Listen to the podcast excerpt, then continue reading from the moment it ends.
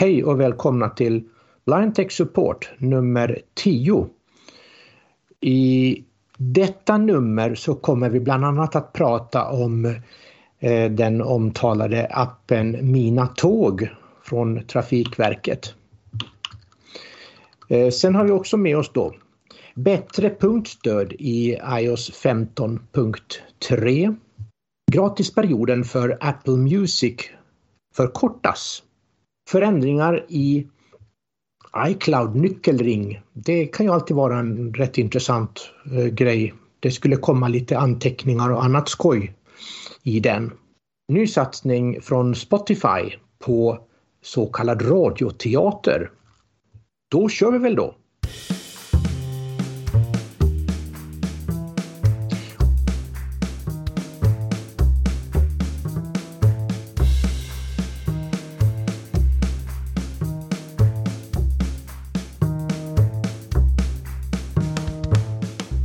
Okej gubbar, då var det dags igen för inspelning nummer 10 eller poddavsnitt nummer 10. Och som vanligt i Göteborg sitter...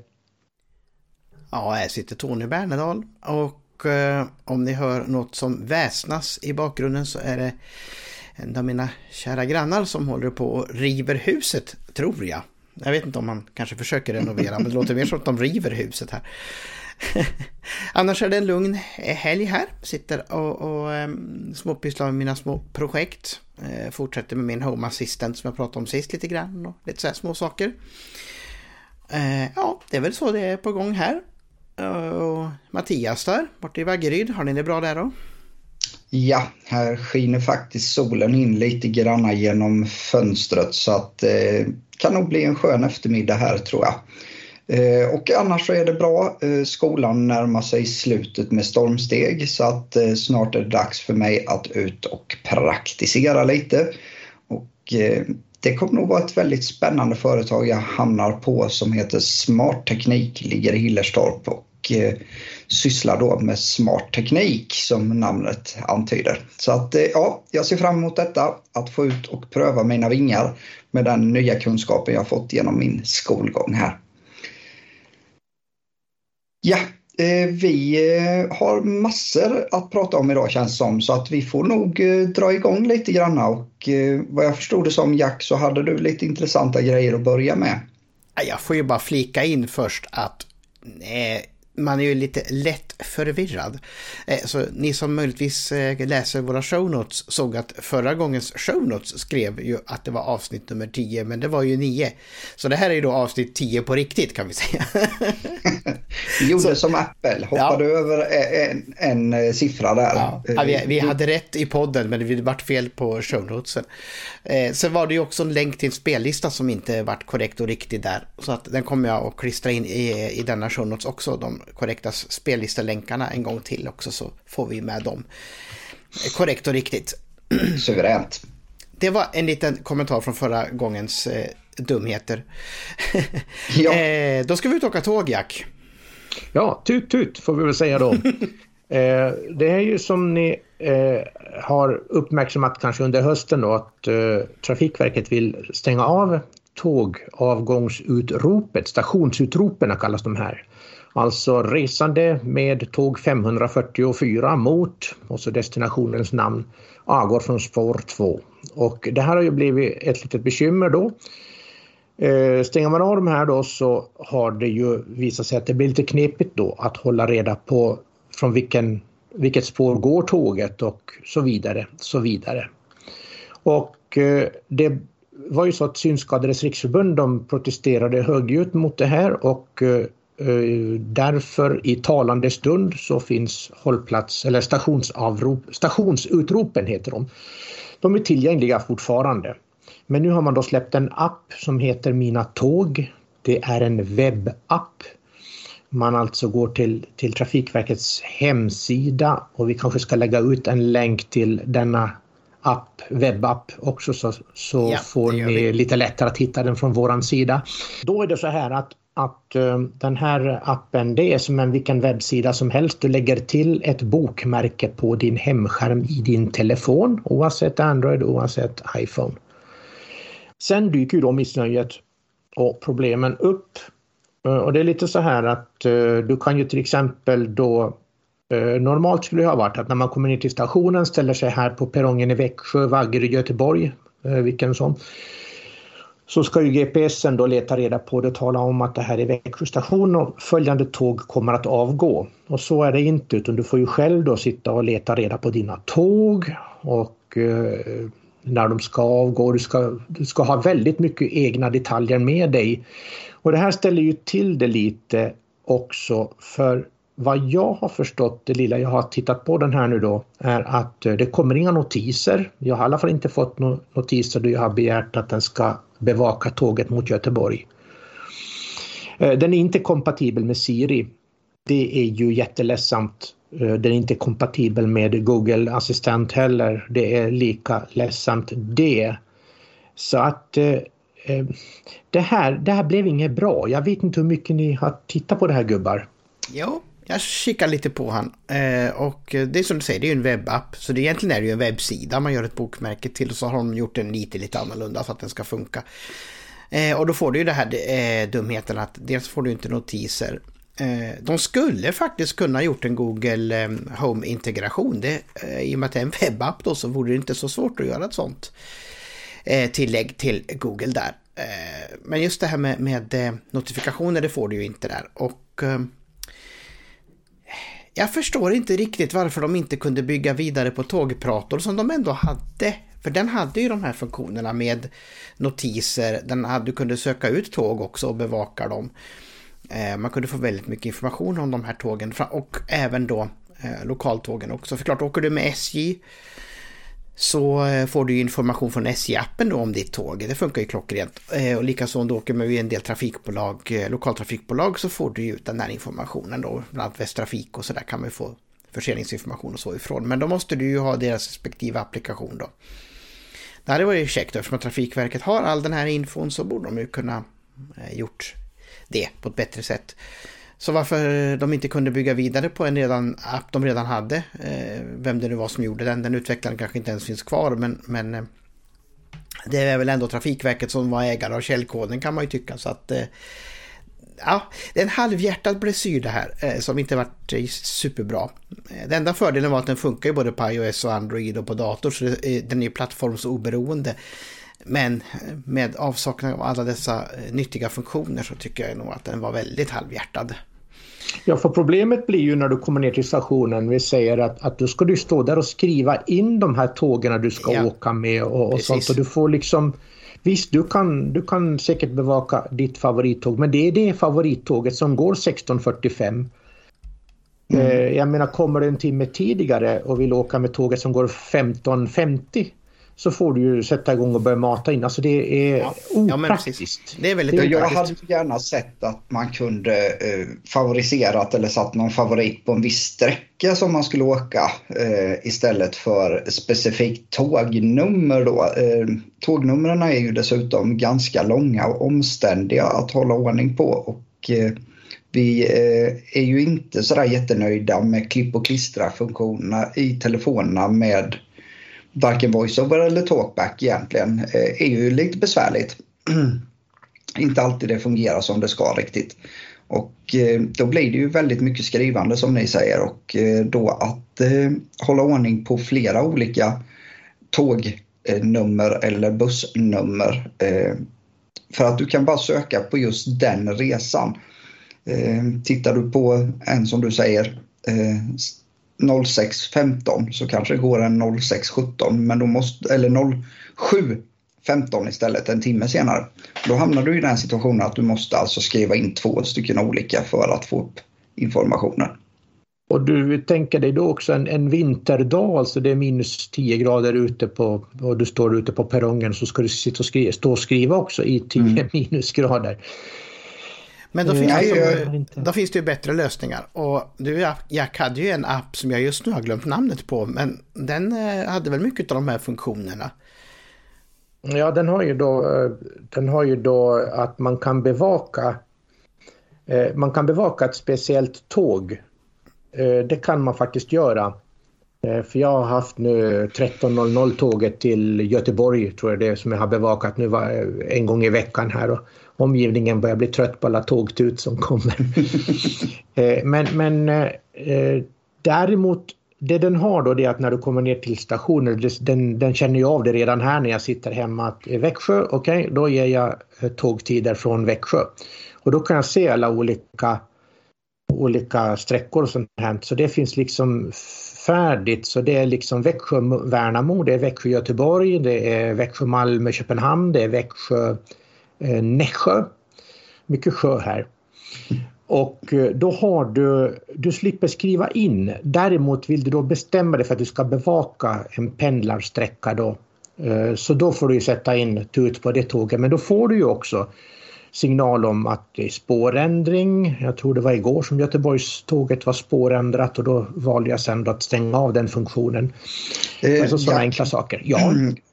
Jag tror du missade lite grann. Vad heter appen som du Tåg. pratar om? Tåg. Tåg. Ja, ja, den heter bara Tåg, ja, det stämmer. Mm. Och det finns en liknande app för Android. Jag satt och tittade i min telefon, men jag hade inte den kvar av någon anledning. Den försvann nog när jag bytte telefon för ett tag, ett tag sedan, några år sedan. Eh, så jag tror den ligger i min gamla Android. Den hette någonting liknande också. Eh, mm. Eh, som hade liknande funktioner där. Så att det finns ju bättre appar än vad Trafikverket åstadkommer. Eh, så om de ska ha den här webbapplikationen till och, och som ursäkt för att stänga av stationsutropen så eh, gå hem och göra om. jag skulle säga det jag också och framförallt, jag menar vill vi då nå de som tycker att det är jobbigt med de här smartphones, det är jobbigt med pekskärmar, det är jobbigt, man vet inte vad man pekar på, som, som faktiskt tycker det här är jobbigt. Eh, så hade det ju en röststyrning. Det är ju det enda eh, vettiga tycker jag då i det här fallet. Ja. Mm.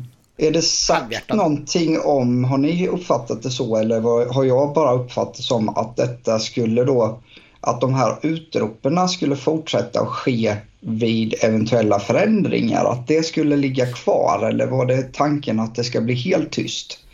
Oklart för min del. Oklart. Mm. jag vet inte, Jack, har du hört något där? Jo, jag har förstått det så här att man stänger av alltså resande mot Göteborg klockan då och då. Eh, det, det, det, stängs av. Däremot om det blir spårförändringar så skulle de visst ropa eh, ut dem om jag har förstått det hela rätt. Mm, det som skulle vara lite nyfiket det är väl att veta det att eh, hur har de resonerat när de har testat fram den här? Eh, vad jag förstod det som så skulle ju det ha varit eh, personer inblandade i betatestning och så vidare men eh, vad har de fått för eh, mottagande utav detta då? Eller ja, har precis. de bara kört över dem? Ja. Eh, eller har de personerna funnit något sätt som fungerar bra för dem specifikt kanske? Eh, sen skulle jag vilja säga det att när ni tittar på hur man eh, plockar ner den här appen eh, jag gjorde ett eh, stort misstag som gjorde att jag kliade mig i huvudet. Jag fick länken via Messenger. Klickade in mig på via länken och istället för att eh, iPhone öppnar Safari i det läget så öppnar den väl en webbläsare genom Messenger tror jag. Och eh, då fungerar inte instruktionerna. Så att det var väldigt viktigt att du öppnade just eh, länken ifrån då, om det var Chrome som gällde för Android-världen och ja, eh, Safari då ifrån eh, iOS-världen. Ja, för att annars så räcker inte den här funktionen eh, lägga upp på skärmen, eh, upp i menyn. Eh, och det tog en stund för mig att inse det och ja. göra om och göra rätt där också. Man fick ju gå ifrån den till, om man får den i Messenger så fick man gå via öppna i Safari tror jag den knapprackare hette där så kom man upp dit. Ja, man eller kan, klippa och klistra länken helt ja, enkelt. Jag tror att man kan nog kanske hitta den via Trafikverkets hemsida också. Men eh, vi lägger länk till, till eh, den här bloggposten de gjorde eh, hos mm. oss också här. Så, så kan man yes. hitta den den vägen. Och nu blir det lite prickigt, ja det kan man väl säga. Ja, nej, de, de har ju släppt en uppdatering på iPhone då. 15.3 eller vad 17 det nu är uppe i nu när vi spelar in det här. Eh, och tidigare då, om det nu var 15.2 eller till och med var ännu tidigare så har det varit lite problem med punktdisplayer eh, sägs det. Jag har faktiskt inte stött på problemet och eh, inte våran eh, stora användare nere i Australien, David Woodbridge, som poddar jättemycket om sådana här hjälpmedel. Både telefoner och annat roligt ifrån Australien då. Eh, IC heter hans podd. Men söker man på David Woodbridge så hittar man den också jättebra faktiskt. Eh, han har inte heller råkat ut för det här, men det är då att tidigare versioner så har den tappat kontakten med punktdisplayen helt enkelt. Eh, och de har fått eh, väcka om telefonen då för att den ska hitta punktdisplayen igen. Och det här ska tydligen vara fixat då i 15.3.1 tror jag det är som är ute nu. Så det är positivt att de eh, har uppmärksammat detta och, och löst det. Eh, så det är ja. bra för de som använder punktdisplay. Och eh, jag vet att jag hade en supportärende på mitt arbete på syncentralen här om precis just den grejen då. Men då kom precis den här uppdateringen så då löste sig ju det förmodligen då. Använder ja. ni eh, ofta punktdisplayer till era telefoner? Nej, aldrig. Ja, jag använder det faktiskt ganska mycket. Dels så har jag ju eh, den jag har på jobbet till exempel då har jag möjlighet att ha flera enheter kopplade till sig då så att eh, när det kommer något sms eller någonting så switchar jag bara över och läser vad det var på telefonen för så nyfiken som jag är. Mm. Eh, och sen eh, så tycker jag att det är väldigt trevligt att man sitter och skriver anteckningar och lite sånt där på och inte har datorn med sig så kör jag det gärna på punktdisplayen då. Och när vi ändå är inne och pratar prickigt eh, så har det dykt upp eh, på Android-sidan nu då. Jag har inte skrivit med i show notes men jag kom på den nu här. Och det är ju att tidigare så har det funnits den här Brailleback för Android för att koppla punktdisplayer till eh, Android-systemet då. Men i Linux-världen i hur många år som helst så har det funnits en eh, ja, typ skärmläsare eller vad man nu ska kalla den för då. Men det är nog en skärmläsare för punktskrift som heter BRLTTY eller Braille-TTY. Den här har man nu porterat för Android och den har funnits väldigt, väldigt länge och det har varit krångligt att installera den och sådär. Men nu finns den faktiskt i Google Play. Så eh, den som vill testa punktstödet med sin eh, Bluetooth-punktdisplay till exempel till Android kan eh, ladda hem den här, BRLT10 och eh, latcha med den. Jag har lite svårt att få huvudet runt hur den funkar helt och hållet men ja, den, eh, den stöder lite fler displayer än vad Brailleback gör och sådär. Så att det är lite kul faktiskt. Att eh, det händer saker även där. För punktstödet på Android är ju... Ja, så där har det varit kan man säga. Ja men det är kul. Det är ju kul att det, att det händer saker och ting. Jo. Nej, jag, jag har inte tillgång till någon. Jag har en Pappenmeier Braillex, eh, den här 40, EL40 tror jag det heter. Och den, eh, det är USB-koppling på den. Mm. Eh, för när jag valde den då 2012 så var det så hade man, 2013 var det så hade man då eh, det fanns andra displayer men jag tyckte de var så klumpiga och jag gillar den här uh, Pappenmeyers. Den har en liten sån här liten list framför som man sätter bara tummen på så drar man till och så byter en rad. Och det är väldigt smidigt och mm. det där kunde jag inte tänka om ifrån men jag förlorade nog en del eh, kommande moderniteter tror jag för det, det fanns enda, ju de som... enda nackdelen med den här listen då, det är att den väsnas så förskräckligt. Det gör den. Det hör ni här när jag håller på också. Jo. Ja, den har, de har inte kunnat gjort en tyst sån lista tycker jag är ja, lite synd. Ja, precis. Eh, nej, men det, jag tycker det är kul. Och den här Braille TTY då, den finns ju även med i Windows då. Så kör du den inbyggda skärmläsaren och slår på punktstödet där så är det samma mjukvara. Så de har porterat den till Windows också. brltti.app är hemsidan för den som är nyfiken och vill gå in och läsa. Och då var det dags för en förändring och det var förändringar i nyckelringen på iOS.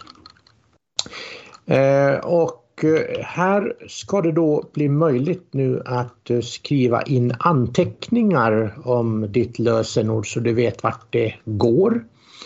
Och vad jag också har förstått så kan man också tala om till vilket konto det går. Det ska tydligen bli lite enklare. Jag har inte sett det eftersom jag inte kör någon beta.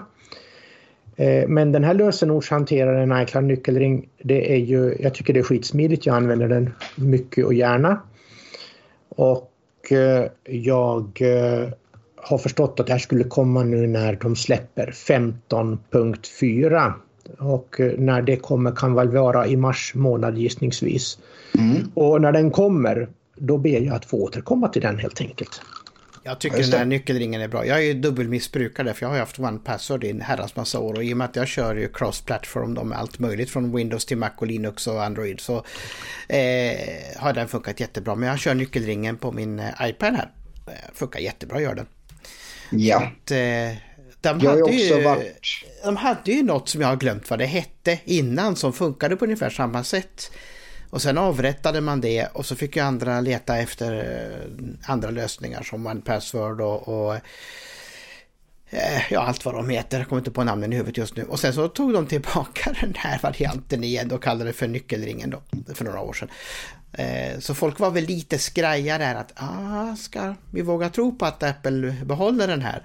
Så många hoppade ju aldrig över till att använda den igen då. Men nu känns det som att den får mer och mer kärlek och att det kommer bli den som de kommer att använda då. Eh, men vi som är lite mer cross-platform får ju nöja oss med OnePassword och, och, och eh, LastPass och allt vad de heter. Mm. Jag... jag har ju också varit användare av OnePassword och jag tycker väl att det som har saknats i nyckelringen det är ju som OnePassword har haft och även LastPass som jag också har provat, det är ju möjligheten att skriva in andra saker än bara lösenord. Eh, kreditkortsnummer eller eh, personnummer till släktingar. Eh, lösenord till ditt wifi och så vidare. Men många av de här sakerna börjar de ju lösa på annat sätt nu. Att ja. till exempel ska du koppla upp din dator men redan har kopplat upp din telefon mot det wifi vid något tillfälle så får du ju frågan om du ska dela med dig utav detta och så vidare. Den kommer nog eh, alldeles för bra kan jag säga. ja, jo men så är det lite grann. Ja. Eh, Eh, och kontokortsnummer tar ju Safari med sig numera och sådana här saker. Om man nu vill ja. tillåta att den lagrar de här känsliga uppgifterna så, så kommer det upp automatiskt nu. Mm. Men däremot så just sådana här små saker som eh, anteckningar om eh, till exempel eh, mammas personnummer för att man kanske hjälper henne med någonting vid några tillfällen och behöver uppge det eller vad det kan eh, tänkas vara för några små saker som man vill ha eh, låsta bakom ett eh, säkert lösenord har känts som att det har saknats. Så fungerar det här nu med att lägga in de här sakerna så släpper jag OnePassword. Jag har ju blivit en eh, hel konsument utav Apples eh, grejer här nu och känner att eh, då, då känns det som en, den bästa lösningen för mig i alla fall. Ja, jag, jag, håller på att flytta att... över mina, mina lösenord. Jag sparar mycket på Google och jag har mycket på Microsoft och så där. ska flytta över så att det mesta ligger det som jag, jag liksom inte behöver då eh, lägga någon annanstans men att jag lägger det på ett ställe och det gör ju också att man hittar grejer lite bättre. Däremot så skulle det vara bra, jag vet inte om det funkar så, men om jag byter lösenord på till exempel Facebook-konto så är jag rädd för att det gamla Facebook-lösenordet ligger kvar när man går igenom den här eh, listan med nycklar. För ibland tycker jag det står Facebook, Facebook, Facebook på flera ställen. Jag vet inte vad det beror på. Kanske någon, någon lyssnare här kan förklara det för, för mig åtminstone. Jag vet att OnePassword gör ju en inloggning för appen och en för webbsidan. Eh, så att det kan ju hända att det är så eh, den här nyckelringen gör också. Jag har däremot inte stött på att det har varit dubbla eh, entries i min då, men då kan du ju helt enkelt bara rensa bort dem och se vad, och, och spara en då med rätt lösenord och se vad som händer. Mm. Ja precis, det kan man göra. Man, ibland får man nästan tömma. Jag, jag ser att jag har haft liksom lösenord på, på ställen som jag 17 inte ens använder. Alltså, så att det, Nej, det, det finns, det, man får städa emellanåt. Man får städa och ja. det får man göra. Nej, men jag tycker det är jättebra. Och jag tror att Microsoft de har ju ett liknande system i Edge framförallt då att eh, den kan komma ihåg lösenord i webbläsaren. Mm. Och så om du då har ditt Microsoft-konto inloggat så kommer den ihåg det i Microsoft-kontot. På samma sätt som Google Chrome gör med Google-kontot. Eh, mm. Så att eh, alla de här har ju varsin. Det bästa är ju om man har en som tar allt. Som kanske nyckelringen kan göra på macken då. Att du kan spara alla grejerna. Oavsett vilken webbläsare man använder eller vilken app så kan man få fram sitt lösenord där. Och mycket att vi benämner det här eh, återigen med lösenordshanterare det är ju just att eh, komma ifrån det här fenomenet som annars är ganska vanligt. Att man använder samma lösenord till många utav sina inloggningar. Och eh, det är ju ett big no-no. Eh, det är ju någonting som kan ställa till det för dig eh, om något av de här lösenorden råkar bli hackade på något sätt. Och då släpper du ifrån dig väldigt, väldigt mycket information även till andra platser. Och Eh, det är ju det du vill undvika genom att låta då den här lösenordshanteraren oftast skapa ett väldigt starkt lösenord med väldigt många tecken och eh, specialtecken och så vidare. Och eh, då i det fallet att man inte kommer ihåg 24 tecken så har man ett lösenord för att öppna just lösenordshanteraren. Och i Mac-världen här då eller och iOS-världen så bygger det ju mycket på att du ska kunna identifiera dig med Touch ID eller med Face ID då istället för att ens en gång behöva slå in det här huvudlösenordet till din lösenordshanterare. Så att eh, ja, det kommer mer och mer sånt. Ja, det är jättebra. Mm. Absolut. Eh, och just det där med att många tänker ju att ja, men ja, jag har inte så mycket viktigt i min mail. Det är inte så noga med det lösenord, men det är ju där som det är nästan mest noga. För mm. när du trycker på de här kom ihåg lösenordlänkarna, ja, vad skickar de ditt lösenord någonstans? Jo, till din mail. Eh, mm. Har du då ett dåligt lösenord och någon kommer över din mail, då kan de ju återställa alla dina konton om du använder samma mailadress. Precis. Så det är betydligt viktigare att numera att ha säkerhet på mejlen där. Och nu läste jag ju, när vi ändå är inne på ämnet, så läste jag ju att eh, Google nu på nya konton i alla fall tvingar tvåstegsverifiering på sina Gmail-konton. Mm. Eh, och för den som inte vet vad det är då så är det att eh, man anger ett lösenord men sen måste man ha någon form av verifikation till om det är en app eller om det är ett sms eller hur det nu kan fungera då. Lite olika vad man väljer där.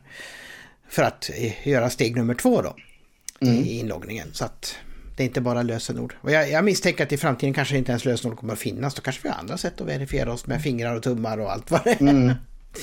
Det är ju ja, inte alls blir det lite grann Nej. det här Det är ganska gammalmodigt det här. Mm. Mm. Biometriska data. Mm. Och många, många sajter. Alltså jag hade ju väldigt avancerad eh, skapande av lösenord i OnePassword men jag fick kryssa bort mycket av det för att många webbsajter klarade inte av alla de här märkliga symbolerna som OnePassword tyckte att den skulle klistra in i det här fältet. Och då är det, det någonting det är som är galet. Ett, ja, det är ett dilemma som vi har stött på faktiskt ja. eh, ganska länge nu. Det är att vissa sidor säger att jag har mer än sex eh, karaktärer eller alltså mer än sex bokstäver får du inte ha i ditt lösenord. Ja, också. Och, eh, då blir det ju med en gång lite frågan hur säkert är det här? Ja, precis. Och, eh, det var ja. väl någon eh, handelssajt som hade något sånt där. Då var det ju säkrare med BankID istället om man nu mm, hade det då. Mm, mm. Sen hoppas man ju att det är säkert så att inte de har något mullimuck med det då. Men ja, det kan man ju inte garantera naturligtvis. Nej, det kan man inte. Men eh, man ska vara vaksam för det här i alla fall. För det ja. kan leda till ganska stora bekymmer om eh, de här lösenorden slipper lös. Eh, det kan vara så enkelt som att när du ska gå in och titta på din eh, film på Netflix så har helt plötsligt ditt konto kapats och någon i Ulan Bator sitter och tittar på Sons of Anarchy på ditt konto istället och du sitter och betalar för det. Så att ja, definitivt. Eh, heads up, varning. Ja. Och se till att eh, inte samla för många sajter under ett och samma lösenord. Radioteater i poddform. Eh, Mattias, vad är det? Det var du som kom med, ja, med tipset. Jättespännande grej. Eh, detta verkar vara någonting som Spotify satsar på. Eh, de kallar det för Spotify original. Och eh, just den här som jag hittade det är en svensk vad heter det, inspelning. Och de, just det här programmet heter De Fria och är producerad av ett bolag som heter Munk Studio. Och det som jag tyckte var så spännande det är att för det första så var det en eh, liten, eh, ja vad ska man säga, skräckisaktigt eller någonting liknande. Det kanske inte passar alla den genren men svenska röster, väldigt duktiga röstskådespelare eh, och fantastiskt bra inspelat. Eh, jag har suttit och lyssnat på den i mina airpods och eh, med tanke på det ljudet som de ger så får man ju en väldig upplevelse av hur eh, väl producerad den är och hur ljudet studsar runt emellan hörlurarna. Rätt som det är så kan du verkligen höra hur det regnar uppifrån. Du kan höra hur någon pratar bakom ryggen på dig och eh, det blir en riktigt härlig upplevelse att sitta och lyssna på det här. Och eh, framförallt så kände jag att detta är ju nästan som att titta på en bra film med ögonen fast du använder hörseln istället. Och, eh, visserligen får du skapa bilderna av det de förklarar framför dig men eh, ack, jättebra. Jag tycker det var kanon. Hoppas på att de kör mer sånt där och framförallt mer på svenska.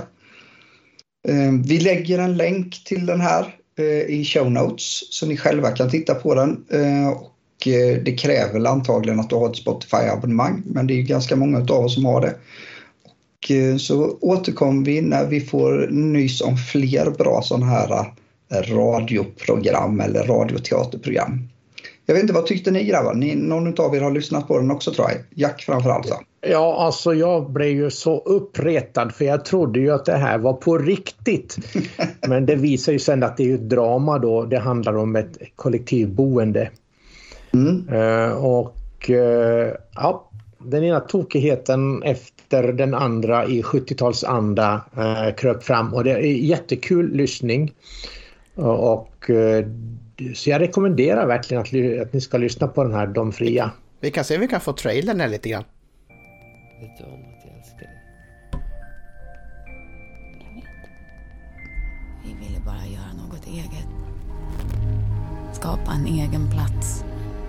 Ett eget samhälle. En egen modell av frihet och ansvar.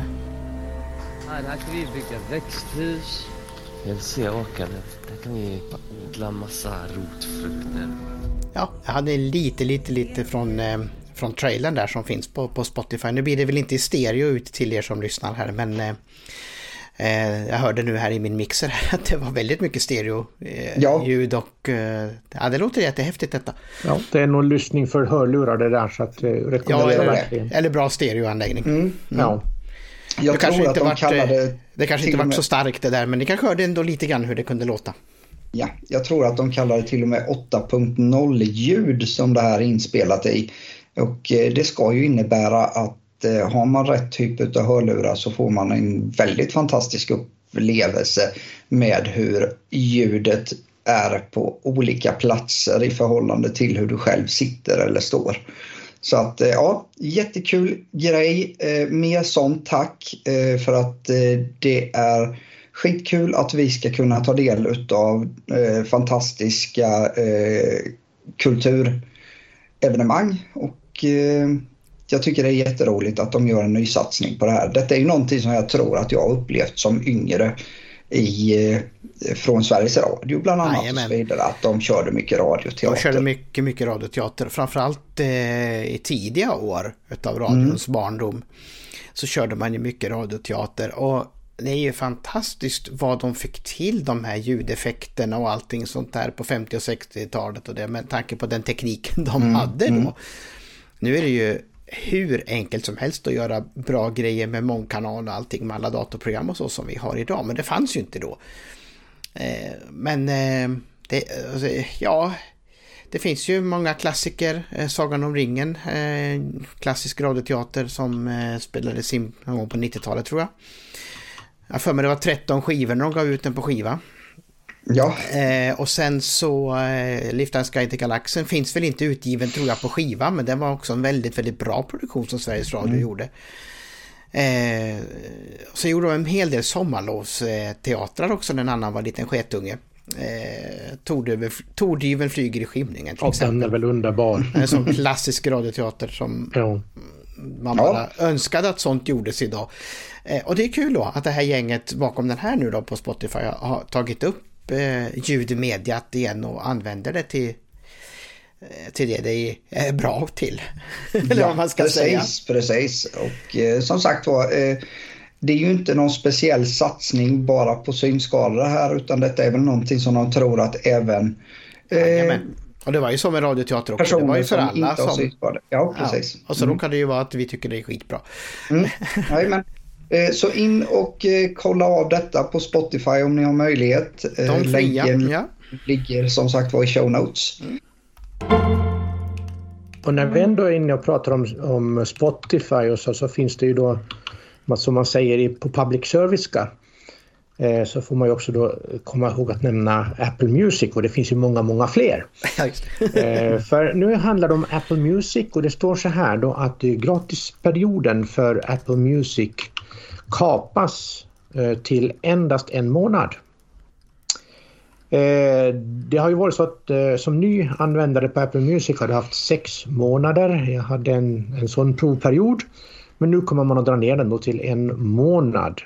Och riktigt vad det här beror på det, det, får jag nog bara gissa mig till. Jag tror att det har att göra med att kanske Apple tvingas betala royalty till musikern och även under provperioden. Jag är inte riktigt säker på det. Men det finns dock ett litet undantag om man eh, då känner att man har ett stort behov av ett par airpods eller de här dyrare Beats Music-lurarna. Eh, då kan man få de där, om det var sex månader eller om det var tre månader. Men eh, det kommer alltså att bli förändringar där. Så att ja, de det är väl ungefär vad jag kan säga om det. De gör som alla andra. De går ner till en månad för det har ju Spotify med vill jag minnas. Eller om de till bara 14 dagar nu för tiden. Jag kommer inte ihåg hur det där är. Det är ja, ganska vanligt. Jag har inte ja. kollat så mycket de här Tidal och uh, allt vad de heter. Nej. Deezer och, och, och så, jag så jag har inte riktigt någon koll där. Storytel då som är motsvarande för böcker så, de har ju 14 dagar. Det är 14 mm. dagar ja. Eh, och jag, jag har för mig att Netflix som, eh, med tv-serier och film har någonting liknande också. Så att eh, det är väl inte helt omöjligt att, att de gör som alla andra där. Och det kan ju vara som du säger, det kanske är att de måste betala även för den här fria perioden då till musiker. Och det är väl inte helt fel. De ska ju ha betalt dem också. Definitivt. Definitivt och, ja. Det är många musiker som har klagat och många har tagit bort sin musik från de här tjänsterna för de tycker de får för dåligt betalt. Eh, jag undrar om det var Taylor Swift som var senast ute nu och inte skulle publicera sin nya musik på någon tjänst utom sin egen som skulle kosta 200 dollar att prenumerera på. Eh, så att det där är ju en diskussion att de kanske måste ändra sina utbetalningar till artisterna så att det blir lite bättre. Who know? Jo, absolut. Och det kan man ju förstå som sagt så det är ju inte så... Ja. Spotify var ju lite ute, eller har ju varit lite ute i blåsväder eh, precis det senaste här. Eh, bland annat eh, på grund av att eh, det har uppdagats lite grann hur enkelt det är att eh, få då höga spelnings listor, alltså eller att du blir spelad många gånger att det finns tjänster där du kan köpa uppspelningar, streaming som det heter då. Alltså att eh, du betalar helt enkelt en firma som har ett x antal telefoner som streamar dina låtar under en kortare period och det gör att du då åker upp i listan och förhoppningsvis kan tjäna lite bättre pengar. Jag tror det var något svenskt företag som hade provat detta genom att lägga upp en liten trudelutt bara och sen så försökt att utnyttja detta då. Ja, men precis. Ja, och hamnat högt upp. Mm. Mm. Sen har de även haft lite bekymmer med att eh, de då hårdsatsade på en eh, podcast med en eh, amerikan som heter Joe Rogan som är debatterad och eh, bland annat debatterad på grund av att han har varit väldigt eh, negativ till eh, covidvaccinering och så vidare. Och eh, det fick väl följder att några av de här stora artisterna valde nu att dra bort sin musik ifrån Spotify eftersom de tycker att inte de modererar som det heter så fint, alltså att de inte eh, säger till Joe Rogan helt enkelt att du får inte gå ut med det här skitsnacket som du håller på med. Eh, så att eh, det, vi får väl se vad som händer där framöver. Ja, där kan man ju se money talks. Mm. Alltså de får ju hur mycket betalt som helst för den där podden. Eh, och det är klart, ja. det blir ju inte så bra i fickan om de skulle få bort den. Nej. Så att, så att då, eh, det där sitter de ju lite i klistret. Men mm. vi får väl se vad det blir av det där. Absolut. Det är ju Neil Young och några till som... Mm. som mm. Men jag tyckte han James Blunt, han hade en rolig variant att se på saken. Eh, om de inte gör någonting åt den här podden så släpper jag ny musik hade han sagt. Det tyckte jag var lite ja. roligt. ja, det är härligt. Eh, det är några av de här gamla stötarna som, eh, som har dragit undan eh, sina, sin möjlighet att lyssna via Spotify. Ja. Och de finns väl säkert på andra tjänster nu då kan jag tänka mig. Apple Music ja. är väl inte sena att plocka upp och kanske Tidal Deezer och de här andra får ligga Nej, kvar precis. som inte är riktigt så kontroversiella för de här artisterna att finnas på. När vi ändå talar om nyckelringar och sådant och säkerhet så kan den här lilla rubriken passa väldigt bra. Jack skriver ut på sjukgymnastens skrivare. Och hur gick det ja, här hur till, kan det undrar man ju gå då? till? Ja, eh, det är så här att i samma hus där vi bor där har vi en sjukgymnast. Och eh, hon har en likadan skrivare som jag har här bredvid mig, en HP Laserjet. Fast min heter någonting på 175 någonting och hennes heter 400. Och eh, vi skriver ut på våran skrivare kanske en gång i kvartalet. Vi använder den väldigt sällan. Och eh, det gör att den står ju avstängd för det mesta. Eh, så att man får alltid gå fram och slå på den och det gjorde jag. Och sen så skulle jag börja skriva ut och det dök upp en HP Laserjet på macken så jag knackade iväg utskriften. Som då bestod av en fullmakt. Och den eh, pep iväg och jag undrar vart tusan tog han vägen? Och det hände ingenting och jag prövade några gånger och sen sa jag till eh, hustrun att jag orkar inte, orkar jag sa ett annat ord emellan där. Inte med det här, jag orkar inte med det här så att eh, nu får vi ta kaffe istället. Och vid halv nio tiden på morgonen så ringer telefonen och, och mycket riktigt då var det en sjukgymnast i andra ändan eh, för det stod också sjukgymnast och Kronoberg och lite sånt där på displayen när det ringde. Så jag säger, eh, är det du som har skrivit ut på min skrivare åtta fullmakter? Ja, sa det är det säkert det. Hur har det kunnat gå till? Ja, då är det bara att förklara då. Eh, Skrivarna eh, som vi har, både sjukgymnasten och jag, de är trådlösa. Och eh, det finns något som heter direktutskrift. Och då står det tydligt och klart att har man direktutskrift i kryssad, då kan vem som helst som är i närheten av skrivaren skriva ut papper på den. Så att kommer det någon förbi eh, vår koja här så kan de välja eh, våran skrivare här eller sjukgymnastens skrivare och sen bränna iväg ett antal papper med precis vad som helst alltså.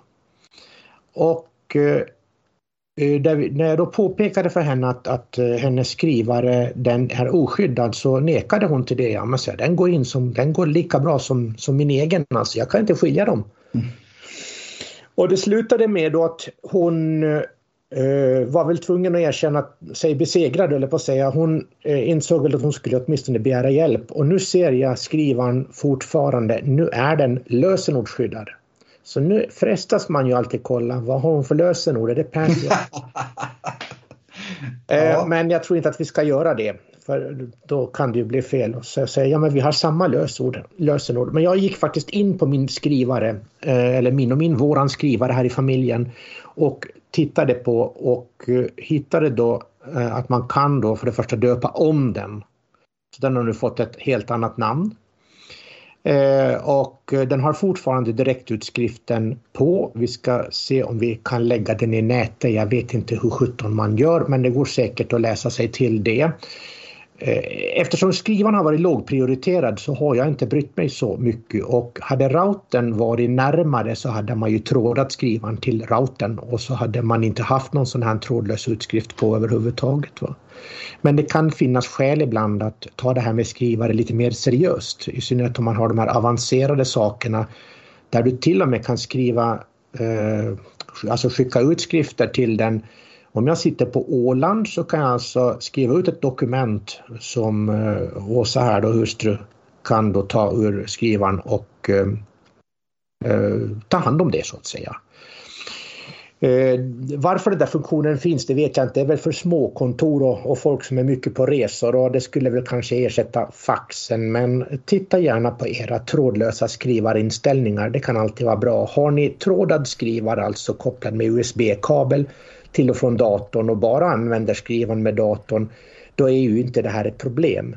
Men är ni en familj och, eller är du en person som vill ha både iPhone för utskrift, din surfplatta för utskrift, din dator för utskrift, då är det enklast med trådlöst. Så resonerade vi.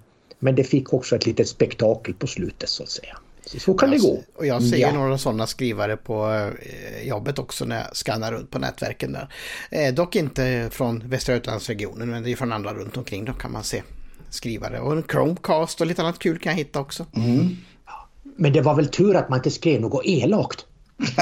ja, eller, eller patientjournaler och något annat som man inte vill ska mm. komma i andra händer. Eh, nu hoppas man ju att en sjukgymnast har, har tystnadsplikt och så, men, men att eh, det kan ju finnas andra man kan skriva ut till oss som mm. Ja, det kan ju också vara andra människor. Krösa-Maja till exempel hade ju kunnat få tag i om det, hon hade haft en skrivare här och då vet vi ju hur det hela Växjö hade ju känt till vad vi hade sysslat med. ja, och vilken fullmakt. Och det är ju det här som är lite, eh, lite knepigt då att eh, det är det här man måste tänka på. Man kan tycka då att är du nojig, varför ska du hålla på med din säkerhet och sånt. Men ha det i åtanke. Allt ifrån det du gör på Facebook till dina skrivare, dina telefoner och datorer. Var noga med säkerheten för det kan få eh, överraskningar som man kanske inte riktigt eh, hade varit så glad i. Till exempel, eh, jag var 17 som helst. Det hade kunnat, kunnat ställa till det. Ja. Eller att någon annan kommer och skriver på din skrivare saker som du inte vill ha där. Mm. Nej, eh, vi säger att sjukgymnasten av misstag då skickar till min skrivare en journal över en patient hon har och eh, jag känner patienten, vi är i konflikt med varann och jag gör ju då eh, förstås ett, en kopia på den och kastar ut den på sociala medier. Wow, kolla här! Mm. Ja, precis. Ja, så det kan ju verkligen ställa till det. Så. Absolut. Nej, det är viktigt det där med att tänka på och speciellt då som ni eh, i det här fallet bor i lägenheter där det är ganska vanligt att det finns väldigt många sådana här skrivare och andra apparater runt omkring. Ja, det gör det. Skrivare och mediaenheter. Eh, mm. Ett par pro, eh, vad heter de, Chromecast kan jag säga här ibland och lite mm. så. så att, mm. ja. Och då vill jag tipsa om en grej till faktiskt när vi ändå pratar om säkerhet. Det finns en podd som heter Bli säker-podden. Och prenumerera på den. Den är mm. intressant, de håller på en halvtimme och pratar om säkerhet. Eh, ibland kan det bli, kanske känns avancerat och främmande men det är ändå lätt att förstå deras grundmening i informationen så att man behöver inte eh, irritera sig på alla termer och sånt om de skulle vara svåra att förstå. Men bli säker podden är receptet. Sen vet inte jag om den här serien, hette den Hackad eller vad sjutton hette den som SVT hade, om den finns kvar på SVT Play, för den var faktiskt väldigt bra också. Den var också väldigt bra och där var det ju till och med en kille som var jätteduktig på det här med säkerhet och datorer. Man hade glömt en gammal sensor med hjälp av den så tog de sig in ja. till hans nätverk och det är precis vad man kan göra med den här skrivaren då som står mm. här att man tar sig in bakvägen och kommer åt sjukgymnastens grejer då. Och det gäller ju också mina grejer. Men eh, våra skrivare är nu då avslagen och det har den varit för att den behöver inte stå här och tugga eh, kalibrering och, och rassla och ha sig så som skrivare gör. Precis. Men då vet ni lite. Mm. Och sen Mattias, du får fortsätta här faktiskt för det står eh, då Mattias pratar om fokusläge. Vad är det vi ska hålla fokus på nu?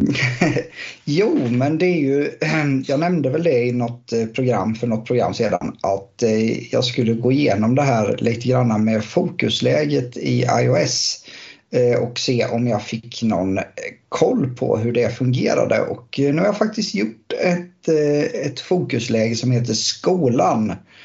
Och eh, då går man ju in i inställningarna, letar upp fokus och sen så är det nog skapa en ny eller lägg till en ny fokus där. Det finns några förinställda som arbete, egentid och någon till tror jag det var som låg där redan. Men när man skapar en ny i alla fall så får man möjligheten att döpa den till det man vill ha det. Eh, man får även gå igenom någon form av, man ska välja en liten symbol. Eh, I mitt fall så blev det nog en bokhylla tror jag. Och en färg som man då vill ha på det här. Eh, fråga mig inte riktigt varför men det är troligtvis för seende personer ska kunna uppmärksamma detta enkelt på något sätt. Vilket fokusläge som man har. Sen gick jag bara vidare och eh, lade då till att det här fokusläget skulle starta när jag hamnade på en specifik plats. Vilket då blev adressen till, eh, vad heter det, skolan. Och eh, där får man ju möjligheten när man gör det här att göra en sökning på eh, just adressen. Och jag tror du gör det, då öppnar den kartor i mitt fall. Och eh, sen var det bara att välja då den här adressen. Och eh, sen är det även steg för vad du vill släppa igenom då när det här fokusläget är på. Och eh, I mitt fall så blev det då min sambo får ringa till mig, hon får skicka sms till mig. Ehm, och eh, sen hade jag eh, även i appar som kalender, påminnelse. Och det finns även en funktion som gör att du kan trycka i om det är tidsbestämda saker så kommer de att släppas igenom som notiser till dig under tiden du är i det här fokusläget. Eh, men det innebär att personer som ringer till mig under tiden jag är i skolan och sitter på föreläsning, de studsar ju. Eh, jag får dem bara som en, eh, en bricka eller en notis i notiscentret när jag går in och tittar i det. Eh, där det står att jag har ett missat samtal från den här personen. Eh, alla andra som mail och sånt här, det kommer heller inte upp några pling eller några notiser utan jag måste aktivt gå in i notiscentret för att se om det finns någonting eller i själva appen då. Och eh, det kan ju vara ett bra sätt att just fokusera på det man ska göra. Sen hade jag lite bekymmer för att jag tyckte inte jag fick det till att lira med att den stängde av sig när jag lämnade skolan. Men jag tror att jag hittat eh, inställningen för det och den hette någon smart. Eh, oj, där får jag nog återkomma med just vad den hette. Eh, en smart funktion i alla fall som skulle hjälpa dig till att slå av och på den när du lämnar och eh, kommer till den angivna positionen. Gick ju även att tidsbestämma eh, istället om man hellre ville det. Att den startar och stoppar under vissa tidpunkter. Eh, även kunde den då eh, dra igång det här om du startar en specifik app. Eh, jag kan tänka mig till exempel att du kanske vill ha en, eh, ett fokus som heter böcker. Och eh, det kan ju vara lämpligt då att du eh, vad heter det, inte vill bli störd under tiden du sitter och lyssnar på din bok eller läser din bok. Det beror ju på hur, man, hur bra synförmåga man har kvar så att säga om man väljer att läsa i telefonen eller plattan. Ehm, så att en, ett bra sätt och det här är ju någonting som har funnits på Android tror jag Tony väldigt, eller ganska länge i alla fall. Ja, det har funnits lite olika inkarnationer det här beroende lite mm. på eh, tillverkare. Eh, och jag vet att eh, Samsung har haft en variant av det som man kallar för Bixby-rutiner. Och de har inte alls mm. någonting med eh, assistenten Bixby att göra utan de bara heter så. Eh, och det funkade superbra. Eh, jag satte upp den att han... Eh, när jag kom till jobbet då så ställde han sig på ljudlös. Den stängde av bluetooth och wifi och allt som drog ström och så ställde han sig i batterisparläge. Och så kände den då när man åkte därifrån. Eh, men sen har det då kommit till i Android, om det nu var i 10 eller om det faktiskt till och med var i 11. Jag måste faktiskt säga att jag inte ens hade uppmärksammat detta för det låg lite gömt. Men det finns en liknande funktion där också. Eh, det jag inte fick till, som iPhone verkar ha då, det är att jag lyckades inte bestämma vilka kontakter som fick kontakta mig. Utan telefon och meddelande var alltid öppet av någon märklig anledning. Eh, det kan hända att jag måste fiffla till det på något sätt, men det såg inte ut som att det gick. Men däremot så kunde man välja då vilka appar som man kunde öppna. Du kunde till och med blockera att du inte ens kunde öppna dem. De var mm. utgråade. Eh, och sen då vilka notiser och sådär. Och sen då när man stängde av fokusläget eh, så fick man upp då en lista på vad som hade hänt under tiden då, vilka notiser som hade kommit och så. Så att de har gjort en liknande eh, grej fast eh, lite olika då. Mm. och jag tycker nästan som du beskriver att iPhone låter något lite smartare där. men ja. Ja, man kan även då se till som du sa även i iOS-versionen här nu att man kan ju ändra sin hemskärm. Man kan ju se till att bara de mapparna som man vill använda under den här perioden, om det nu är fokuserat till exempel på arbete, att det bara kommer upp eh, mail-widget, kalender-widget och eh, då något extra program som du kanske är beroende av för din arbetssituation. Eh, och då blir ju det din nya hemskärm under tiden du är på ditt arbete eller gör den här fokuseringen så att säga, eller Precis. använder fokuseringen. Mm. jag använder ju aldrig min telefon på, som arbetsredskap då, utan då ligger han ju inlåst i sin låda så då kan han ju lika mm. gärna vara vara nedstängd så mycket det går då, så bara ligga och lurpassa på vad som händer. Så att jag tycker det där är riktigt fiffigt faktiskt. Absolut, och jag hade fått för mig att jag lyssnade på några som tyckte att det här var ganska krångligt att få till Eh, Eh, och det var seende personer som tyckte och det är klart det är många val som man ställs inför som man kan göra. Eh, men var inte rädda för att öppna den här och testa er fram lite granna. Eh, det som kan hända det är att ni får ett fokusläge som ni inte alls vill ha och då går man in i kontrollcentret och helt enkelt stänger av fokusläget manuellt och då får man ju tillbaka sin möjlighet att hantera telefonen som man har gjort tidigare. Precis. Den ser alltså ut som du gjorde när du ställde in den från första början. Man tyckte att det här med större var en fantastisk grej när det kommer men nu finns det ju så mycket mer du kan göra. Mm. Eh, ja, det är faktiskt. Eh, det, jag tror till och med du kan eh, sätta den i strömsparläge när du är i skolan. Mm, det tror jag säkerligen. Så att du sparar batteri så länge du är i, i skolan. Ja, det kan jag på min i alla fall. Ja, jag har för mig att det gick att ställa in.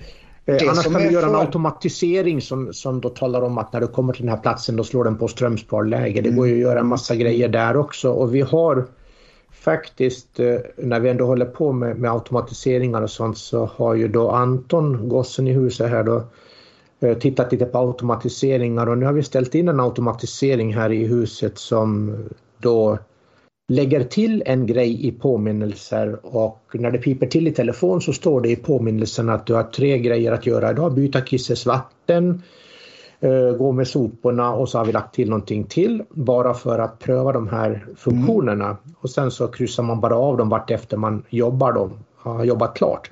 Det beror lite på vad man, vad man har för, för dag så att säga. Man kan ju Går man i skola så kanske man har sin läsordning där eller de uppgifter som ska göras eller så vidare. Så vidare. Så att man kan ju använda det här till tusen grejer. Det är ju bara fantasin som sätter stopp. Du kan också bestämma att vid soluppgången då ramlar de här påminnelserna in så du ser dem inte annars men du ser dem till exempel en måndag morgon när solen går upp så ser du att det här ska jag göra under dagen. Ja just det. Nej, men det, det är ett eh, bra sätt att eh, strukturera upp om man nu har väldigt mycket på sin agenda att eh, få de här påminnelserna på rätt plats och rätt tid. Så att det, det, det underlättar ganska mycket. Gör det, och jag vet ju att vi pratade ju förra avsnittet om Android kunde det här med platsbaserade mm. annonser ska ni få höra, notiser. Eh, och det kan den om man gör dem med Google-assistenten. Ja, just det. Verkar det som. så att om du säger att påminn mig när jag kommer till arbetet att göra ditt eller datt så ska det kunna funka. Men däremot så kan du inte göra det i påminnelseappen varken på Samsungs eller Googles. Eh, men eh, som jag fattar det så ska du kunna gå och göra det med, med assistenten då. Mm. Jag har dock inte provat detta för så sällan behöver komma ihåg någonting när jag kommer till jobbet för där har vi våra andra verktyg som ska komma ihåg saker åt oss. Så att, ja, just det. Och de kan jag inte ens använda på telefonerna så att, eh, det, har, det, har, inte blivit av och handlar gör jag ju på nätet så jag behöver inte ha någon shoppinglista som jag tar med mig när jag ska någonstans. Så att för min del har jag faktiskt inte just använt platsbaserade påminnelser och så. Men eh, jättebra funktion är det. Och de här mm. fokuslägena är ju fantastiskt bra också. att man kan ställa in då. Oftast har jag bara använt stör ej för det är absolut den enklaste att bara starta upp den då. Men, men att eh, eh när man då vill spara ström när man åker någonstans till exempel att ja men ligger telefonen på jobbet oanvänd eh, i sin låda under dagen då kan den ju spara batteri. Definitivt. Eller stänga av en massa appar som inte behövs. Jättebra mm. funktion är det. Och jag som lever i, i Apple-världen här, jag slår ju till exempel igång Stör ej nu när vi sitter och kör podd här och eh, då eh, hoppar ju den funktionaliteten in i alla mina Mac-produkter som gör att ingen av dem kommer att plinga till varken telefon, dator eller annat kommer att eh, ge några extra ljud ifrån sig. Men det gäller inte hundar va? Nej, det gör det inte tyvärr. Men eh, hon är ganska eh, lugn och timid utav sig. Så att jag inte, tror inte hon har stört idag i alla fall. Nej. Eh, nej. Det är bara mina eh, grannar som har bultat i bakgrunden här ibland. ja. Nej, men eh, så att var inte rädda för att pilla i den här funktionaliteten. Ni kommer säkert hitta väldigt bra användningsområden för det. Ehm, oavsett om ni sitter på ett SRF-möte eller om ni är ute på restaurang så kan det vara trevligt att slippa och höra hur det plingar hela tiden i telefonen om det är så att man har många appar som ger notiser ifrån sig i vardagslivet som man kanske inte vill ha just vid det tillfället. Ja, och det man då ska kanske också påminna om att ni som åker färdtjänst, se till att telefonen alltid är tillgänglig ifall någon ska nå er just från färdtjänsten. För, ja, så att man inte glömmer det. Man kan ju slå på alla andra fokuslägen men tänk efter så att telefonen är, mm. öppen. Jajamän. Och så har vi fått ett mejl från Ingrid som då berättar om en blodsockermätare. Det har hon, då, hon har lyssnat på den här Jonathan Mosens podd. Eh, och den här lilla blodsockermätaren den heter någonting som sådant. Freestyle uh, Library 14 Day Sensor. Uh, och jag vet ingenting om det här. Jag, jag får säga att tack för, för informationen. Eh, men jag vet inte så mycket mera uh, än det. Eh, blodsockermätare, det, Mattias. Ja, det är ju tur att du har en, en, nästan en expert med dig i alla fall. Jag har ju som sagt var, eh, lidit av diabetes i snart tio år här och har typ 2 diabetes. Men eh, jag måste insulinbehandla min och eh, när jag förlorade synförmågan här så eh, kom jag i kontakt med det här LibreLink. Det är ett företag som heter Abbott som gör det här. Jag tror att det finns några andra konkurrenter till dem. Och det är en liten sensor, eh, en stor som en femkrona ungefär, eh, lite tjockare och eh, med ett speciellt verktyg som medföljer när du får den här sensorn så eh, skjuter du fast den på eh, överarmen. Eh, oftast sätter jag den på baksidan utav överarmen, i alla fall det är rekommenderat. Och, eh, då är det med någon riktigt duktigt klister och sen så har jag förstått när jag frågat min sambo vad som sitter i mitten på den här så är det någon form av liten plasttråd och jag antar att den här plasttråden på något sätt hamnar lite under huden för att den ska väl då i underhudsfettet på något sätt ligga där och kunna samla upp data. Och eh, det finns väl två sätt att läsa av den här. Antingen så har man en handhållen enhet som eh, vad heter det, man kör över sensorn och den bygger på blåtandsteknik och eh, NFC-tekniken, alltså Near Field Communication. Eh, och eh, då kan man läsa av den på displayen på den här enheten. Men för mig som synskadad då så kan jag ju inte använda det utan då har jag ju en app istället till iPhonen som heter LibreLink och eh, den eh, är väldigt smart. Ehm, den eh, går att få eh, till att läsa upp ditt blodsockervärde eh, som den har skannat av. Och eh, den är förhållandevis enkel tycker jag att eh, använda sig utav. Ehm, det som jag har som en nackdel, eh, eller som en liten bugg i systemet kan man väl säga, det är när du har läst av ditt blodsocker och valt att få det uppläst utav appen appen så krockar det ju givetvis med VoiceOver som samtidigt talar om att det finns en bakåtpil som man kan trycka på för att komma bort ifrån det där. Så vid flera tillfällen och det kanske är lite stökig ljudomgivning så får man svepa runt lite i den här för att återigen få VoiceOver till att läsa upp din blodsockernivå då. Och eh, vad jag förstår det som så kommer det, eh, har det kommit och funnits på marknaden ett tag nu en eh, modell 2 eh, på den här eh, freestylen där. Och den innehåller funktionaliteter som att man kan få larm. Alltså den ligger och känner av ganska kontinuerligt och kan då larma inom vissa gränser som du själv tillsammans med din diabetesläkare antagligen har satt upp då för högt och lågt blodsocker. Så den kan tala om för dig att oj, oj, nu är du på väg upp eller nu är du på väg ner. Dags att äta eller dags att ta lite mer insulin i det fallet. Eh, så vi närmar oss lite ett läge för de eh, personerna som har den här varianten att vi hamnar eh, i närheten av de här pumparna som också finns. Jag har dock inte undersökt möjligheten för jag är inte i kategorin som troligtvis har behov av en pump. Och eh, där kan jag faktiskt inte uttala mig riktigt om det finns talande pumpar och så vidare. Men eh, då får man nog, eh, är man intresserad av det får man nog prata med sin läkare och diabetessköterska och sen kanske även föra sig lite med de här olika bolagen som tillverkar just sådana pumpar om det finns möjligheter att hantera dem som synskadad. Och det gör det. Det finns en, nu vet jag inte vilken modell det är, men det finns en i alla fall som är, mm. har en app till sig via Bluetooth. Ja, just det. Den funkar alldeles utom förträffligt. Mm. Vi har en kille som springer hos oss på syncentralen som har en sån och han är mm. hur nöjd som helst med hur det fungerar. Han har aldrig ja. mått så bra som när han fick den. Så. Nej, nej. Eh, har... det är många som säger det och just ja. de här pumparna ska ju då och just att man har koll på den också. Ja, och efterlikna eh, din egen, eh, ditt eget, eh, din egen kropp så att säga för utsöndringen utav mm. insulin mm. egentligen. Då. Så att, eh, och det, det är, samma med den här eh, som du har också då att man har ju världens koll på grejerna som mm. man kanske inte hade förut.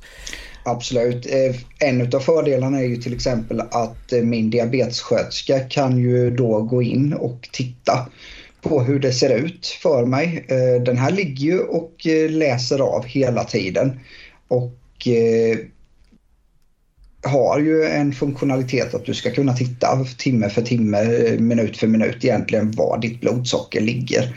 Sen att man inte utnyttjar det på det sättet som diabetiker utan man kanske kollar någon, några gånger om dagen eller innan måltid eller så vidare. Det, mm. det är helt upp till vad du själv Eh, och eh, din läkare har kommit överens om hur mycket du behöver kika på det där. Men eh, informationen finns i alla fall lagrad hela tiden. Och sen så efter 14 dagar så är man ju tvungen att slita igen den här mätaren då för att sätta dit en ny sån här sensor. Och för mig med lite hår på armarna så är det väl som att rycka ett plåster. kan man väl säga. det, det, det svider lite grann. Men själva eh, hanteringen av att sätta dit den och så vidare, det kan man lista ut och klara av själv. Eh, I mitt fall så är jag bekväm så jag tar hjälp av min sambo för att fästa de här. Eh, men det är som sagt var en väldigt enkel konstruktion för att få den på plats egentligen. Men eh, fantastiskt, jättebra. Eh, det jag tycker det är ju fantastiskt att Apple har släppt in sånt här också. För de första där som var med NFC då, då hade man ju den här LibreLink-appen också. Eh, och det var ju bara så den som kunde använda de här äldre NFC-chipperna i iPhone 7 och så vidare. Ja, det. det. var inget annat som fick komma åt dem då, men den här grejen fick göra det, tycker jag var jättebra. Ja. Och Android okay. funkade det också jättebra på med NFC då. Mm. Apple har ju länge ryktats om att de vill hitta en lösning för att läsa av ditt blodsocker, Jajamän. speciellt med eh, sin klocka då. Men eh, jag har inte sett någonting på ganska länge nu om eh, rykten om detta överhuvudtaget. Så att, kan ju vara lite svårt på utsidan av kroppen kan jag tänka mig att läsa om. Ja, det är nog lite det som de har stött på som ett bekymmer då. I och med att det här är en sensortråd på något sätt som troligtvis hamnar lite under huden. Mm. Jag kan säga det att man känner ju inte av det överhuvudtaget, varken när den fäster eller eh, när man tar den den att det har suttit någonting eh, under själva huden på något sätt. Så att eh, där har de ju verkligen lyckats med detta. Det är ju eh, fantastiskt egentligen. Ja, mm. vilken, vilken framgång. Ja. Sen kan jag ju säga det att eh, nu ska vi inte bli någon medicinpodd här men eh, i, när jag tappade synförmågan så hade jag ju hållit på med insulinbehandling ganska länge och det, eh, det, finns ju faktiskt, för det var någonting som jag tyckte var obehagligt, det var ju att eh, hur ska man hantera sina kanyler som man då är tvungen att använda när man kör med insulin och eh, jag har ju en variant som är sticksäker. Det sitter ju alltså en hylsa framför vad heter det, själva nålen. Och eh, det krävs lite teknik och lite träning och så vidare men eh, det gör ju att du sätter den här kanylen mot dig utan att känna att den nuddar dig egentligen och trycker till och då får den här hylsan tillbaks och blottar nålen så att mm. den kan göra sitt jobb. Så det finns många sådana här så att eh, känner inte till att eh, vara låsta till att inte kunna hantera ert eget insulin som eh, syns, synskadad. Jag skulle ju önska att Abbott också var så pass hyggliga på något sätt att de släppte till Apple Hälsa så att man kunde få lite mer i den eh, mm. angående sitt blodsocker och så vidare. För att det är alltid det där med att ha flera appar och leta efter flera eh, mätvärden. Eh, jag ser gärna att de eh, tittar lite på den funktionaliteten så att man skulle kunna få in även blodsockernivån. Det kan man ju numera men eh, då får du manuellt gå in och peta i dina resultat eftersom Abbott inte pratar med eh, hälsa. Och ser man i framtidens sjukvårdssystem så ska ju de ju kunna eh, ta in patientdata ifrån just sådana här saker. Ja. Så, eh, det är jätte både lite scary men också väldigt bra. ja, absolut. Jag hade en, en eh, liten period här nu där jag fick göra ett, eh, en liten sån här, jag gjorde en lista på då hur jag eh, vad jag åt och när jag tog mitt insulin, hur mycket jag tog och så vidare och vad mina värden var. Och det gjorde jag i ett enkelt Excel-ark så att jag kunde liksom hålla koll på detta då och skriva in eh, om jag nu hade ätit pannkakor eller pyttipanna på lunchen och eh, lite sånt där och fick med även då data angående hur eh, mitt eh, blodtryck såg ut eftersom jag passade på att mäta det samtidigt och lite pulsdata och sådana här saker. Och eh, vad jag förstod det som när jag hade lämnat ut det här till min diabetessköterska så var hon ju mäkta imponerad över hur mycket information och vilken möjlighet det gjorde för henne att kunna dra vissa slutsatser utav det här då för att styra lite i mitt eh, intag utav insulin och så vidare. Mm. Så fantastisk eh, grej. Vi hoppas mm. på att de eh, plockar fram mer funktionaliteter som sagt var och eh, hör med eran eh, diabetessköterska eller läkare om möjligheten att få prova en sån här sensor om det är aktuellt för er. Eh, för det här med att sticka sig i fingrarna när man inte ser och eh, hålla på med blodsockermätare som eh, man gör ofta som seende är ju i stort sett omöjligt för någon som är, som är helt blind som jag då i det här fallet. Då ska jag ge ett litet tips och egentligen så kom det från Android från början men det, det går även att applicera på iOS också. Eh, och eh, det här är ju då för de som har bekymmer med att enheten byter språk rätt vad det är. För det gör den ju. Om man eh, till exempel är på en webbsida eller man är i en app och så plötsligt så byter talsyntesen till engelska eller något sånt språk. Och i vissa lägen är ju det här superbra. Eh, jag vet jag hade en, en på, på jobbet, han, han eh, konverserade en del på arabiska Eh, och sen han kom över i Messenger då på sin iPhone var det, nej iPad var det men det spelar ingen roll, det är samma eh, som iPhone. Då växlade den över till arabiska. Och hur sjutton den visste det i det fallet, det vet jag bara inte. Men förmodligen kände den väl av att det var något tecken som var rätt. För när det annars händer är ju att det är felprogrammerat i appen eller webbsidan, att den är kodad då, att den ska vara en engelsk eh, sida men att den har då svensk text till exempel. Och då är våra skärmläsare så smarta att då känner de ja men den här sidan är ju skriven som att den ska vara för eh, EN-US som koden är för eh, amerikanska engelska och inte för SVSE som den svenska koden är. Då. Och då byter den ju språk. Det här går att komma runt. Eh, och på, på Android, åtminstone på min Samsung, ska se om jag kan få något ljud i den här, det kunde jag. Eh, och då tar vi...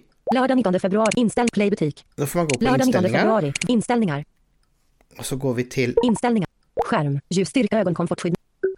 Ansikt, digitalt välbefinnande och till... programbaro-uppdatering, hemtillgänglighet, bruksanvisning, bruksanvisning, ska vi till... allmän hantering. Eller allmän hantering, allmän hantering. på den här. Navigera upp, eh, och då får man gå till eh, texttilltal. Texttilltal. Texttilltal. Navigera upp. Text. Prioriterad motor. Inställningar. Och jag har ju då Vocalizer installerat på den här men det spelar ingen roll, det är Google-rösten är ju samma sak.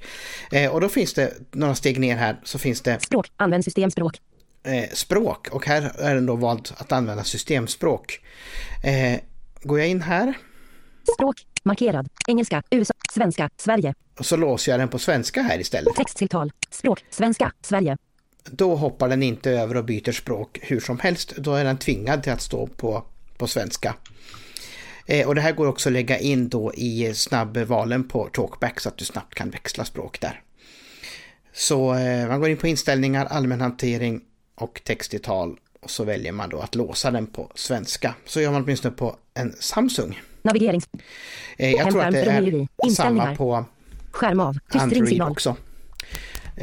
och ska jag flytta min kontakt till iPhonen här. Ska jag visa hur man gör det här. 16.52. Och då låser jag upp den. Kalender. Lördag 19 februari. Så, kanske får sänka den lite för den var lite starkare. Så. Eh, där går man på samma sätt, man går in på inställningar. Inställningar. Eh, och sen får vi gå till allmänt. All, kontroll, allmänt. Fel, knapp. hjälpmedel, inte allmänt. Visning av ljus, hemskärmen. Jag är fortfarande van med att all, äh, hjälpmedelsinställningar ligger under allmänt, vilket de har gjort i alla år jag har använt iPhone. Sen för, från iOS 13 så flyttar de ju på Hjälpmed, bakgrunds, hjälpmedel. på hjälpmedel. Hjälpmedelsfunktioner hjälper att och voiceover. Voiceover. Voiceover. Voiceover träning. Uppläs, uppläsningstal. Och så tror jag det är under tal om jag inte minns fel här. Alva, förbättrad. Knapp. Och här kan man då välja de olika rösterna. Uttal, tonhöjd, tonhöjd, 50 procent, tonändring, upptäck språk. Av. Och här finns det då en kryssruta som heter upptäck språk. Och stänger man av den eh, så till 99,9 procents säkerhet så slipper man eh, språkbytet även på iPhone då. Sen kan man även gå in här och välja svenska som extra rotorspråk om man verkligen vill toklåsa den på svenska. och då flyttar den inte heller. Eh, så kan man ändra språkinställningarna då. och det här dök upp i ett Facebook, en Facebookgrupp, en fråga om detta. Så tänkte jag bara så att, det var bara som ett litet tips så här i slutet på avsnittet. Suveränt tips. Eh, jag själv råkar ut för att jag får en hel del mail som beter sig på det sättet. Nämligen. Ja. Och det är så, märkligt att den kan byta språk mitt i en signatur eller någonting. Ja, eh, väldigt spännande eh, och första reaktionen man får, eller första reaktionen jag får, det är ju oj, var det här på engelska? Då slår jag över till engelska eh, vad heter det via rotorn då i det fallet och eh, då blir det ännu mer grekiska än eh, engelska och svenska för att personen har ju skrivit på svenska. Ja, precis. Och får du in en engelska som ska försöka läsa svenska så blir det ganska humoristiskt. Och det här, och det här är omöjligt att förstå. Och det här drabbas man ju väldigt mycket av om man kör Outlook-appen tydligen. Mm. Eh, framförallt på Android så är den hopplös. Eh, men jag har märkt det på min jobbtelefon där vi kör Outlook också. Mm. Detta om detta. Jack. Kul, bra ska, tips. Ja, och du Jack, du ska tipsa om eh, radio. Det är väl det sista ja. vi ska prata om idag tror jag. Det är det sista vi ska prata om idag. Och det är ett program då som går på kanalen P4 Plus eh, som då Sveriges Radio sänder. Och det är söndagar då klockan 13 så finns det en liten tävling som heter Fyra i radio. Och eh, den här tävlingen är lätt att delta i när man ska, jag tänker då på när man ska skicka in för man bara mejlar till dem. Eller så kan man fylla i ett formulär på webben som också är tillgängligt och lätt att använda. Man kan välja vilket som. Det var bara lite svårt att hitta formulär tyckte jag. Jo, det, det håller jag med dig om. Det var lite bökigt. Så mejl är ju det mest praktiska och det nämner ju också Henrik Olsson, programledaren i, i, i det här programmet också. Vi underlättar väl för våra lyssnare antar jag genom mm. att lägga lite länkar till det här. Ja, ja, ja. Mm. det ska vi ta och göra. Och P4 i radio, eh, det handlar då om... Först får man höra en röst. Vem är det som låter? Och sen så har de bland annat, jag kan dem inte i ordningsföljd. Sen är det väl... Eh, Årtal tror jag. Årtalet ja. Och då är det massa hopklipp från olika Eh, film, det kan vara från filmens värld, det kan vara från nyhetsvärlden, det kan vara från politiken och lite vidare sådär. Och jag har sen, jättesvårt för det, jag, årtal är det jag är svårast för. ja, ja, det kan vara lite knepigt ibland. Ja. ja. och sen har du då, eh, vad heter låten på svenska? Och nu sist så var det ju den gamla klassikern från 70-talet, Sofia dansar go-go. Mm. Och vad tror du det originalspråket är på den? Engelska? Ja, det kan man ju tro. Det är danskt. Ja, det är betydligt mer ölstinkande, ja precis. Det är alltså danskt original och den är ju helt underbar bara den. Men äh, rätt svar blir då Sofia dansar go-go. Och äh, så var det då den sista grejen här då och det var aktuell händelse. Så att, och då kan det vara en aktuell händelse Eh, Eh, som är, dags, som är av dagsdato då så att säga, inte är så gammalmodig som en del av de här frågorna är. Och eh, vet du med dig att du är en god gammal eh, radiolyssnare och har lyssnat radio hela livet, då har du ju lite lättare att, att klara av det här. Annars brukar jag fuska med Google, det har jag varit tvungen att göra några gånger. Men den här hör du ju då via webben. Det här är ju webbradio så att säga. Och den hittar du då på sverigesradio.se. Vi lägger länk dit. Annars kan du säga till din Google eh, Manik om du har en sån hemma. Tala med Sveriges Radio. Eh, och så kan du be den spela P4 Plus. Du kan till och med och. säga ihop det i en mening idag. Eh, be Sveriges Radio spela P4 Plus. Bra, där ska jag också prova nu när vi är klara med podden. Jättebra. Mm. Ja. Rekommenderas, jättekul tycker jag. Absolut. Och därmed då gubbar så är det dags för oss att säga tack och farväl för denna gång. Du menar att det är final nu? Det är final nu. De är då så. Härligt. Så att, eh, då tackar vi härifrån eh, Växjö och eh, vill ni komma i kontakt med oss så är ju kontaktvägarna då de gamla vanliga. Det är ju då info at blindtechsupport.se så kommer ni då mejla ni till oss. Och vi finns ju också då på Facebook med en liten fansida där då som man kan hitta oss under Blindtech Support. Och Eh, där rapporterar vi mest. Vi har ingen meddelandefunktion på den. Det finns en knapp där du hamnar rakt in i mejlkorgen istället. Så att så ser det ut för ser det ut just nu. Så jag säger då tack och väl härifrån Växjö. Lite mer information kan ni också få om ni går in på vår webbsida blindtechsupport.se. Ja, och den ska vi jobba lite, lite mer med är det tänkt att eh, piffa till den lite grann under fram, fram, framtiden här. Ja, och lite mer uppdaterad. Ja. ja. Precis, vi ska försöka få den att automatiskt uppdatera eh, RSS-flödet även på framsidan lite grann och så. Så det finns lite idéer om att snygga till den och så vill vi ha lite mera bilder och så. Men vi har inte kunnat mm. träffas och ta några bra bilder än på grund av vår kära pandemi. Så att eh, det kommer upp lite mer så ni får se hur vi ser ut. ja, precis. Ja.